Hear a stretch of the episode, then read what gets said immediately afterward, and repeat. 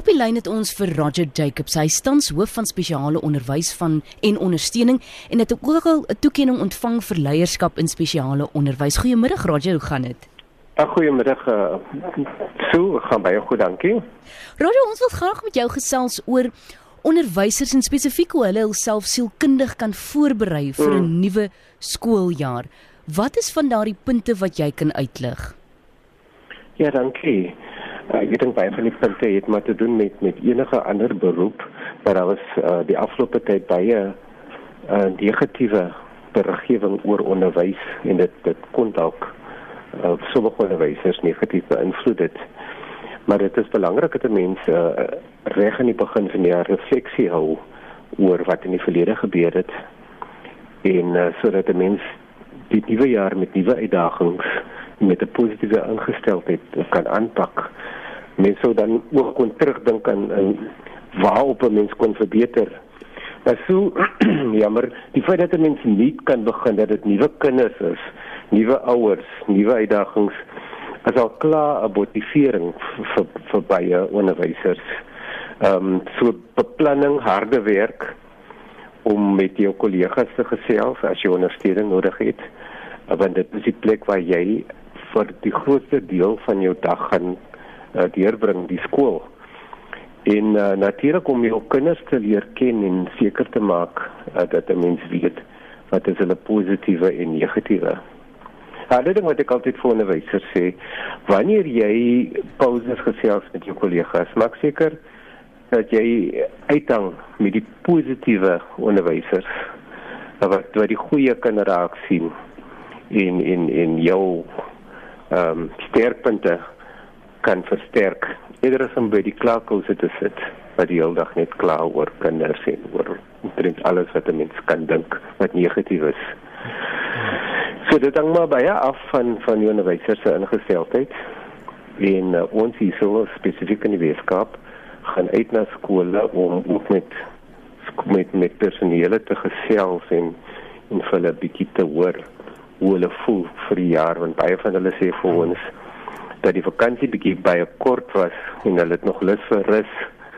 En uh, maar dan kan ons nou niks doen nie.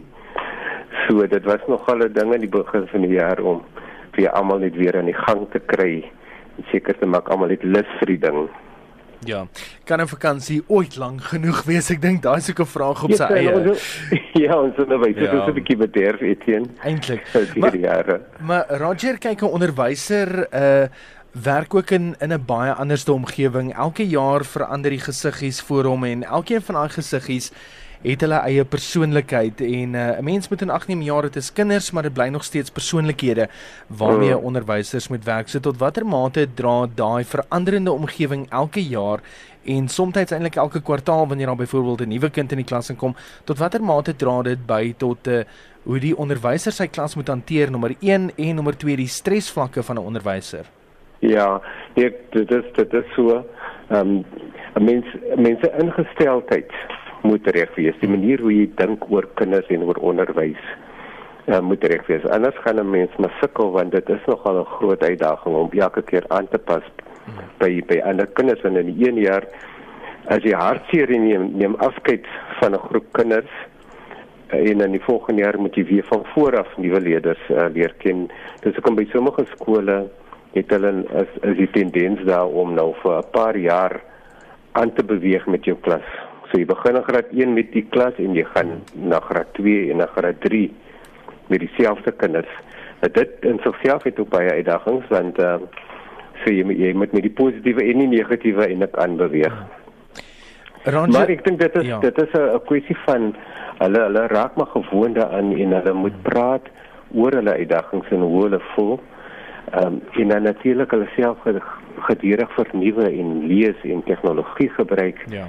Uh om om by te wees, om om by te bly by die veranderde omstandighede en kinders. Roger, ehm um, mense moet ook in ag neem dat kyk onderwysers is mense en mense het party dae of party weke nou nie die beste dag of die beste week nie. Word daai ook in ag geneem dan jy weet 'n onderwyser kom byvoorbeeld by die skool 'n uh, bietjie mismoedig oor wat dalk by die huis gebeur het en seker van hierdie dinge wat die onderwyser aan klaskamer te bring is onvermydelik. Ja, en ek kyk hulle bly maar mense met met hulle eie emosies en gevoelens en ons ry hulle aan om om te praat oor hulle stres en hulle emosies. Ons het self uh, 'n welstandsdiens vir onderwysers waar hulle met 'n sielkundige kan gesels indien uh, dit redelik ernstig begin raak. Ons beveel ook aan dat hulle met mekaar gesels as personeel en en dat hulle um, nie alleen moet worstel met met hulle emosionele uh, probleme nie want uh, dit dit kan groot nadelige in ehm um, uitwerking hê ook, ook op die kinders. Uh so onderwysers ehm um, dit is belangrik dat hulle hulle eie emosies in stand moet hou en in toe moet hou. En ehm um, dat hulle wel moet omsien na hulle self. Dit is hulle verantwoordelikheid om seker te maak dat hulle stresvlakke so laag as moontlik is deur ehm, 'n um, gesonde leefstyl te hê en toe seker te maak dat hulle wel praat oor en iets doen omtrent die stressors wat in hulle lewe is. Ehm um, die die die vaardighede wat onderwysers dan ook met aanleer spesifiek ehm um, om die stressors wat daar is, die hoof te bied. Die aanleer van die vaardighede is, is verskriklik belangrik. Ek het onlangs 'n uh, Peter skool groep onderwysers gesels en hulle het gesê dat dat twee dinge is wat hulle eintlik kla. En die die eerste ding is die gedrag van die leerders. En terloops hulle het gesê dat die verandering van kinders elke jaar uh, is nie vir hulle 'n probleem nie. Die meeste van hulle het, het gesê dit is eintlik 'n probleem nie. Die stresslakke wat verwag deur die gedrag van die leerders en nommer 2 die admin en van hulle het selfs genoem dat die ouer die of die gebrek aan ouerondersteuning of te veel ouerondersteuning wat die ouers inbreuk vir eintlik maak op die privaatheid van die klas en dit wat binne in die klas gebeur. Hulle het gesê dat daai drie faktore is is uh, is wat hulle die meeste stres gee. So baie min onderwysers het in die verlede al gekla oor die die feit dat dit elke jaar 'n uh, ander klas is of of jy weet dat dit 'n nuwe situasie is. Hmm. Dat is eerder ander dinge wat hulle groter stres gee. Kom ons verskuif gou net vinnig die fokus na die leerders, na die kinders wat ook daardie selfde soort van stres ervaar op hul eerste dag. Hoe kan 'n onderwyser daardie kind op hul gemak stel vir die dae wat dan volg daarop?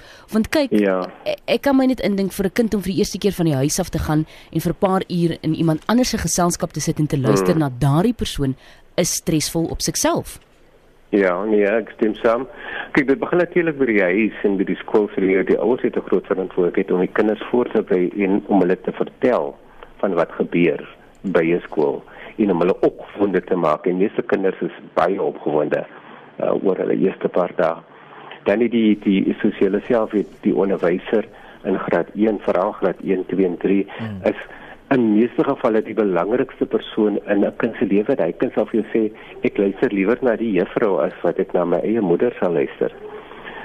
So uh die onus berus op die onderwyser om 'n baie lekker ontspannende maar leersame klaskamer atmosfeer te skep waar leerders veilig voel uh om te kan leer, waar hulle gelukkig voel wat die onderwyser met 'n glimlag en warmte vir hulle tegemoet kom maar ook baie streng is en duidelike riglyne daar daar stel ja. sodat kinders veilig kan voel. So belangrik dat onderwysers uh vir kinders moet verduidelik wat van hulle verwag word binne die klas, wat hulle gaan leer sodat die kinders, jy weet die kinders is redelik opgewonde as hulle by huis kom en vertel hulle van wat die juffrou wil hê en wat hulle geleer het ja. en so aan. Uh daai leerklimaat wat onderwysers skep is is belangrik. En onthou hulle het dit te doen met diversiteit soos kinders met verskillende persoonlikhede soos gele gesê het. Uh, ons ons vra dat hulle maar ewe kwansig te werk gaan dat hulle die kinders um, alfabeties laat sit want dit is belangrik dat onderwysers die name van die kinders moet aanleer so gou as moontlik. Ja. Want as 'n mens jou eie naam hoor dan voel jy tuis en gemaklik. Ehm um, so hulle sit dan alfabeties in groepe of in rye 'n plak 'n plakkertjie met die naam van die kind voorop en gee kans ook vir die kinders om met mekaar interaksie te hê met verskillende groepaktiwiteite sodat hulle kan deel voel van 'n groep sodat hulle kan voel hulle behoort aan. Hulle moet eintlik opgewonde wees om die volgende dag weer skool toe te kan kom. So lekker tipe aktiwiteite uh, is is noodsaaklik en natuurlik positiewe versterking uh, vir die kinders wat natuurlik goed doen en uh, sodat hulle met met 'n lekker met met 'n vry gemoed kan huis toe kom en weer terugkom skool toe.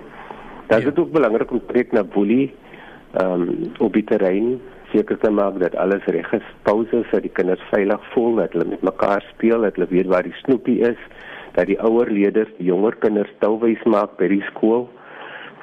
So die prefekte by die ek dink nou spesifiek aan die laerskool speel ook 'n groot rol om die jonges nou 'n bietjie te wys wat aangaan by die skoolterrein uh, en om hulle dan ook tuis te laat voel.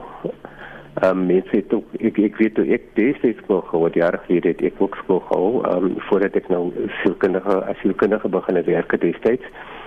Ehm um, het ook pauses te rendens gedoen en ons was ook op die uitkyk na die alleen kind wat alleen daar gesit het en sy broodjie geëet het, jy weet, wat sy nou weer agter was dan koop mens maar gesels aan met die kind.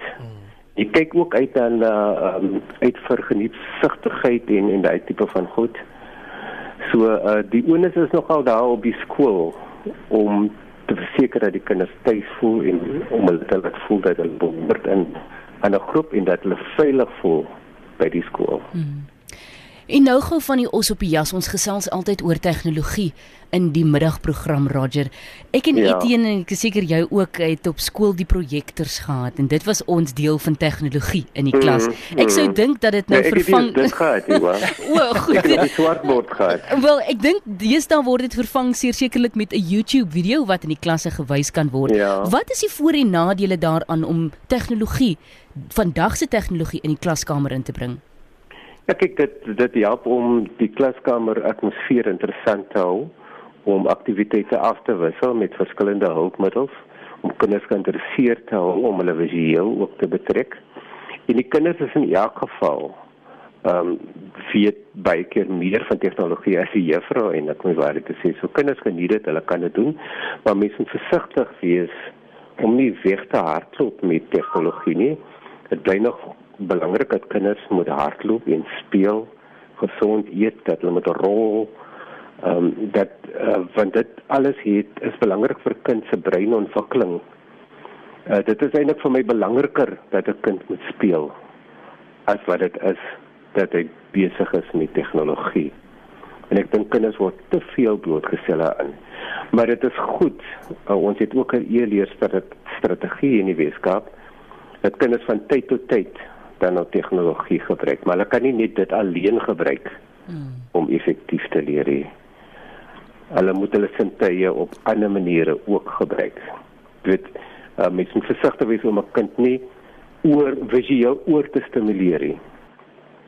Sosiale vaardighede, handvaardighede, motoriese vaardighede, auditiewe vaardighede, die basiese grondslag vir leer moet nog is nog steeds dieselfde soos wat dit was 'n klomp jare terug toe ek en jy op skool was so. Uh so so dit bly nog belangrik. Mm.